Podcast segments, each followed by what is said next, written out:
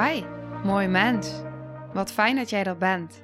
Mijn naam is Sandy en ik geloof in een wereld waarin iedereen zijn liefdevolle zelf mag zijn. In deze podcast praten we openlijk over alle struggles die je tegenkomt op het moment dat je tegen jezelf aanloopt. Vanuit mijn kennis en ervaring deel ik levenslessen en geef ik je inspiratie hoe jij vanuit pijn en angst weer voor liefde en vertrouwen kunt kiezen, zodat jij, dwars door het donker, de weg terug kunt vinden naar het licht in jezelf. Welkom bij de Liefdevolle Strijder Podcast.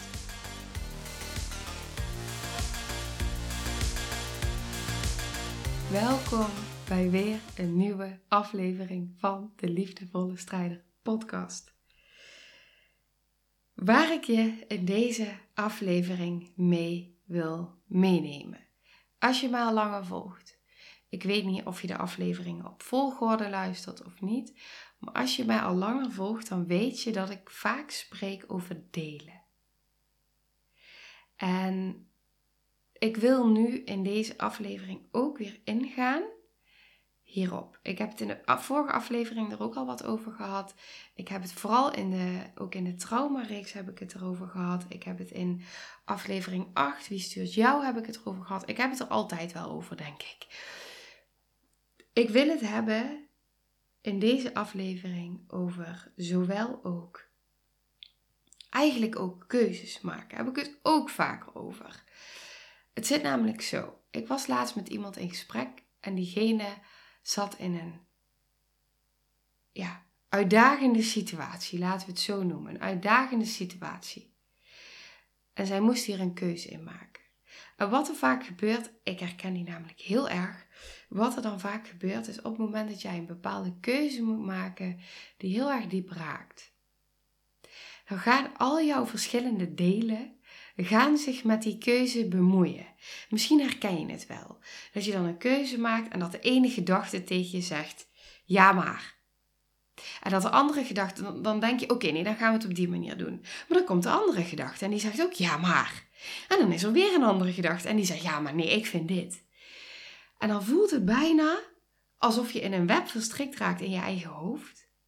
En alsof je geen keuze kan maken die goed voelt. En dan wil je luisteren naar je gevoel, maar dan is er geen enkele keuze meer die goed voelt.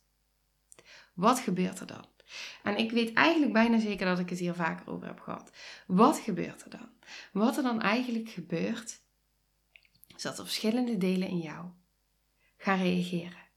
En al die delen in jou hebben een eigen pijn, hebben een eigen behoefte en een eigen verlangen. In de vorige aflevering hadden we het over het zelfopofferende deel. Wat voor behoefte zou het zelfopofferende deel hebben? Die wil pleasen. Die wil het goed doen voor de ander. Dat is de behoefte van het zelfopofferende deel. Pleasen. En waarom? Omdat hij bang is. Het zelfopofferende deel is bang om in de steek gelaten te worden. Dus wat wil dat zelfopofferende deel? die wil voldoen aan de verwachtingen van de ander. Zelfs als dat betekent dat hij wegbeweegt van zichzelf. Die wil de ander het naar de zin maken. Ondanks dat hij zichzelf erin verliest. En eigenlijk kan hij het nooit goed genoeg doen. Want het zelfopofferende deel vindt altijd wel weer een andere angst. Dat hij toch niet heeft voldaan aan de verwachtingen die hij denkt dat anderen hebben. Dus zo hebben al jouw delen hebben een bepaalde behoefte, hebben een bepaald verlangen, een bepaalde pijn. En kun je je voorstellen dat op het moment dat jij dan een keuze moet maken, en al die delen gaan zich ermee bemoeien, je perfectionistische deel, misschien heb je die, je zelfopofferende deel, je compassievolle, liefdevolle deel, etcetera, etcetera, etcetera. Je hebt allerlei verschillende delen.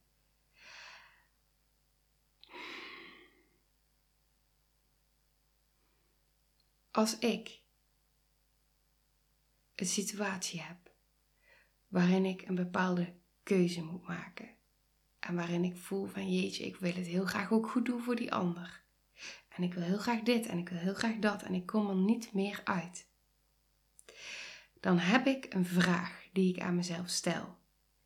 En die stelde ik ook laatst aan iemand. En toen ik haar die vraag stelde, gaf haar dat zoveel inzicht en zoveel duidelijkheid. En toen wist ze meteen wat ze moest doen. En toen dacht ik: oké, die vraag helpt mij. Die vraag helpt jou nou ook. Die vraag kan heel veel mensen helpen. Misschien heb ik hem al ooit benoemd, ik weet het niet, zou zomaar kunnen. Maar ik wil er een hele aflevering aan wijden, omdat het zo'n belangrijke vraag is. Omdat die vraag, als jij die beantwoordt, dan doe je het altijd goed. En misschien niet voor al die delen. En misschien niet voor anderen. Maar wel voor jezelf. Wat is die vraag? Dan ben je misschien nu heel nieuwsgierig. Wat is die vraag? Die vraag is. En die stel je op deze manier aan jezelf. Wat heeft mijn meest onveilige deel nu nodig? Wat heeft mijn meest onveilige deel nu nodig? En dan heb ik het echt over situaties. Want er is natuurlijk een verschil, hè? Wil ik wel nog even een nuance op aanbrengen. Want ehm, dit gaat echt over situaties waarin je echt in de war komt tussen die delen in pijn. Waarin je echt.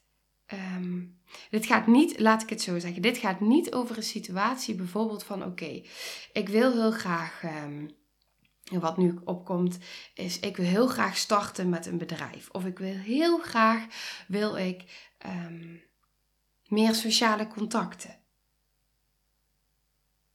Dat zou kunnen, daar zou die misschien nog wel op kunnen werken. Oké, sorry. Lekker onduidelijk dit. Ik ga het even anders verwoorden. Waar het om gaat is, wat ik eigenlijk wil zeggen, is dat het niet als een excuus gebruikt moet worden dat jij bijvoorbeeld uit je comfortzone wilt treden. Dit is hem om goed te worden. Je wil eigenlijk uit je comfortzone treden. Maar op het moment dat je uit je comfortzone wilt treden, is dat natuurlijk rete spannend. Dus hartstikke eng. Dus wat doe je dan? Ja, nee, maar voor mijn meest onveilige deel uh, kan ik dat echt niet doen. Jawel, dan kan het nog steeds.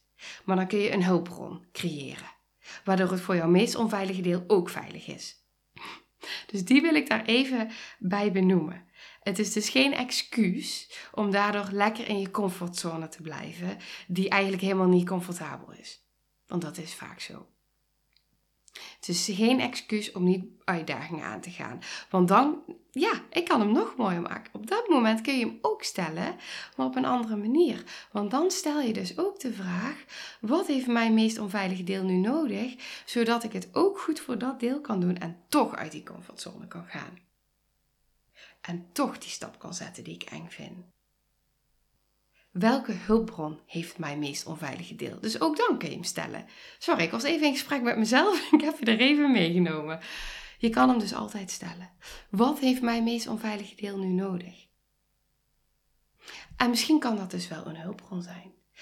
Maar in een pittige situatie, want dat is waar deze aflevering over gaat. Op het moment dat jij geraakt wordt in een situatie waarin jij een keuze moet maken, wanneer je dus in de war raakt in jezelf wat heeft dan jouw meest onveilige deel nodig? En doe dat. Doe dat voor jezelf. Gun jezelf dat. Want jouw zelf, opofferende deel zal zeggen: je moet jezelf opofferen. Je moet voldoen aan die verwachting die ik denk dat die ander van mij heeft. Jouw perfectionistisch deel zal zeggen: je moet dit en dit en dit en dit. Misschien zal jouw verstandige kant zeggen: Nou, dit is het meest verstandige wat je kan doen. Ik kan even geen voorbeeld bedenken, maar je kan het echt wel op een situatie voor jezelf toepassen. Ze willen het allemaal goed voor je doen. En dan is de vraag: wat heeft dat meest onveilige deel van jou nodig? Want dat deel, dat deel, dat deel is al zo vaak ontkend, verlaten, in de steek gelaten, die is vermeden, in een hoekje gestopt. En op het moment dat jij aan dat deel kan toegeven, aan dat deel kan voelen van ja, wat heeft dat deel van mij nu nodig? Dat meest onveilige deel van mij. Dat moment kun je niet anders dan het echt goed doen voor jezelf. En dat is het heel interessant wat dat komt. Want dat gaat ook echt puur over in verbinding zijn, maar het gaat ook puur over zelfliefde. En dat kan misschien kwetsbaar zijn en dat kan misschien een keuze zijn die je die andere delen waar die het echt niet mee eens zijn. En ik zeg ook niet dat die keuze dan per se goed zal voelen. Want dat kan, hè. Want, maar gaat er dan überhaupt een keuze goed voelen? Dat is ook wat je op jezelf, de vraag die je aan jezelf kan stellen. Want ik weet nog dat op het moment dat ik keuze moest maken en ik helemaal verstrikt raakte tussen al die verschillende delen in mezelf, voelde geen enkele keuze goed. Maar op het moment dat ik echt kon gaan kijken van oké, maar wat heeft nu dat deel nodig? Dan wist ik in ieder geval dat ik het goed deed voor het meest kwetsbare deel van mezelf. Het meest onveilige deel. Het deel wat ik al zo lang en zo vaak in de steek gelaten heb. Het deel wat elke keer maar aan de kant moest, omdat ik moest voldoen aan die verwachting van de ander. Omdat ik het goed moest doen voor iedereen. Omdat ik moest laten zien dat ik sterk was, dat ik het wel kon. Dat deel wat ik elke keer in een hoekje heb gestopt. Wat ik heb vermeden, wat ik heb verlaten. En wat eigenlijk al die jaren ook door anderen om me heen, als kind, door de mensen die ik had moeten kunnen vertrouwen, ook niet gezien werd. En niet gehoord werd. En vervolgens ging ik het ook nog jaren doen. Dat deel. Dat deel is het deel wat ik wil horen, wat ik wil zien. En wat ik jou ook gun. Dat jij dat deel van jezelf ziet. En dat je die vraag jezelf durft te stellen om vervolgens ook daarop je keuze te baseren. Om het voor dat deel goed te doen. En die andere delen gaan vervolgens wel mee. Echt waar. Die gaan wel mee. Dus die wil ik je meegeven in deze aflevering. En nogmaals, je kan hem dus ook in een uitdagende situatie want dat doe ik ook. Dat doe ik ook. Op het moment dat ik iets ga doen wat ik spannend vind, dan vraag ik ook aan mezelf: oké, wat heeft mijn meest onveilige deel nu nodig? En wat voor hulpbron kan dat dan zijn? Want er zijn verschillende hulpbronnen. En het kan heel simpel zijn, hè? al kan het maar een edelsteen zijn. Of, of een kaart trekken.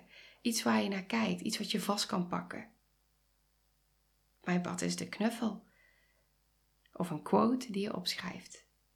Iets wat jou op dat moment, dat onveilige deel op dat moment, een bepaald vertrouwen kan geven, een bepaalde verbinding, waardoor je toch die enge stap kan zetten.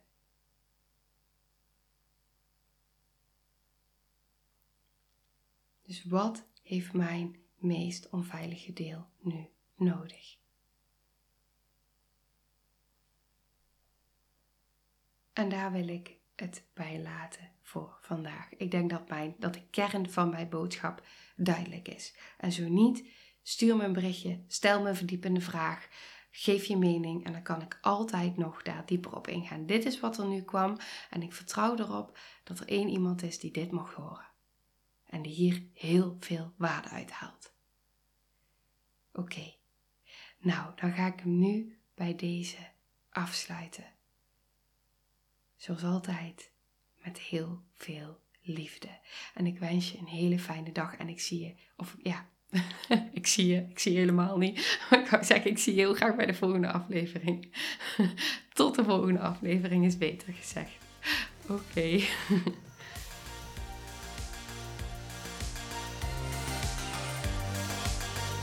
Nou, lieve mensen, ontzettend bedankt voor het luisteren. Ik ben heel benieuwd wat je van de aflevering vond en welk inzicht je eruit hebt gehaald. Mocht je nog vragen hebben of is er een onderwerp waar je meer over wilt weten, laat het me dan weten. En wie weet neem ik het mee in een van de volgende afleveringen. Als je het leuk vindt, kun je de aflevering delen. Of maak een screenshot en tag me op Instagram. Want ik vind het echt super tof om te zien wie er luistert. De link van mijn Instagram staat in de beschrijving bij de podcast. En wil je blijvend geïnspireerd worden? Klik dan op abonneer of volgen in de podcast-app waarmee je luistert. Dat zouden ik en alle toekomstige luisteraars enorm waarderen, want dat zorgt er namelijk voor dat de podcast beter gevonden wordt. Nogmaals, dankjewel voor het luisteren en heel graag tot de volgende aflevering.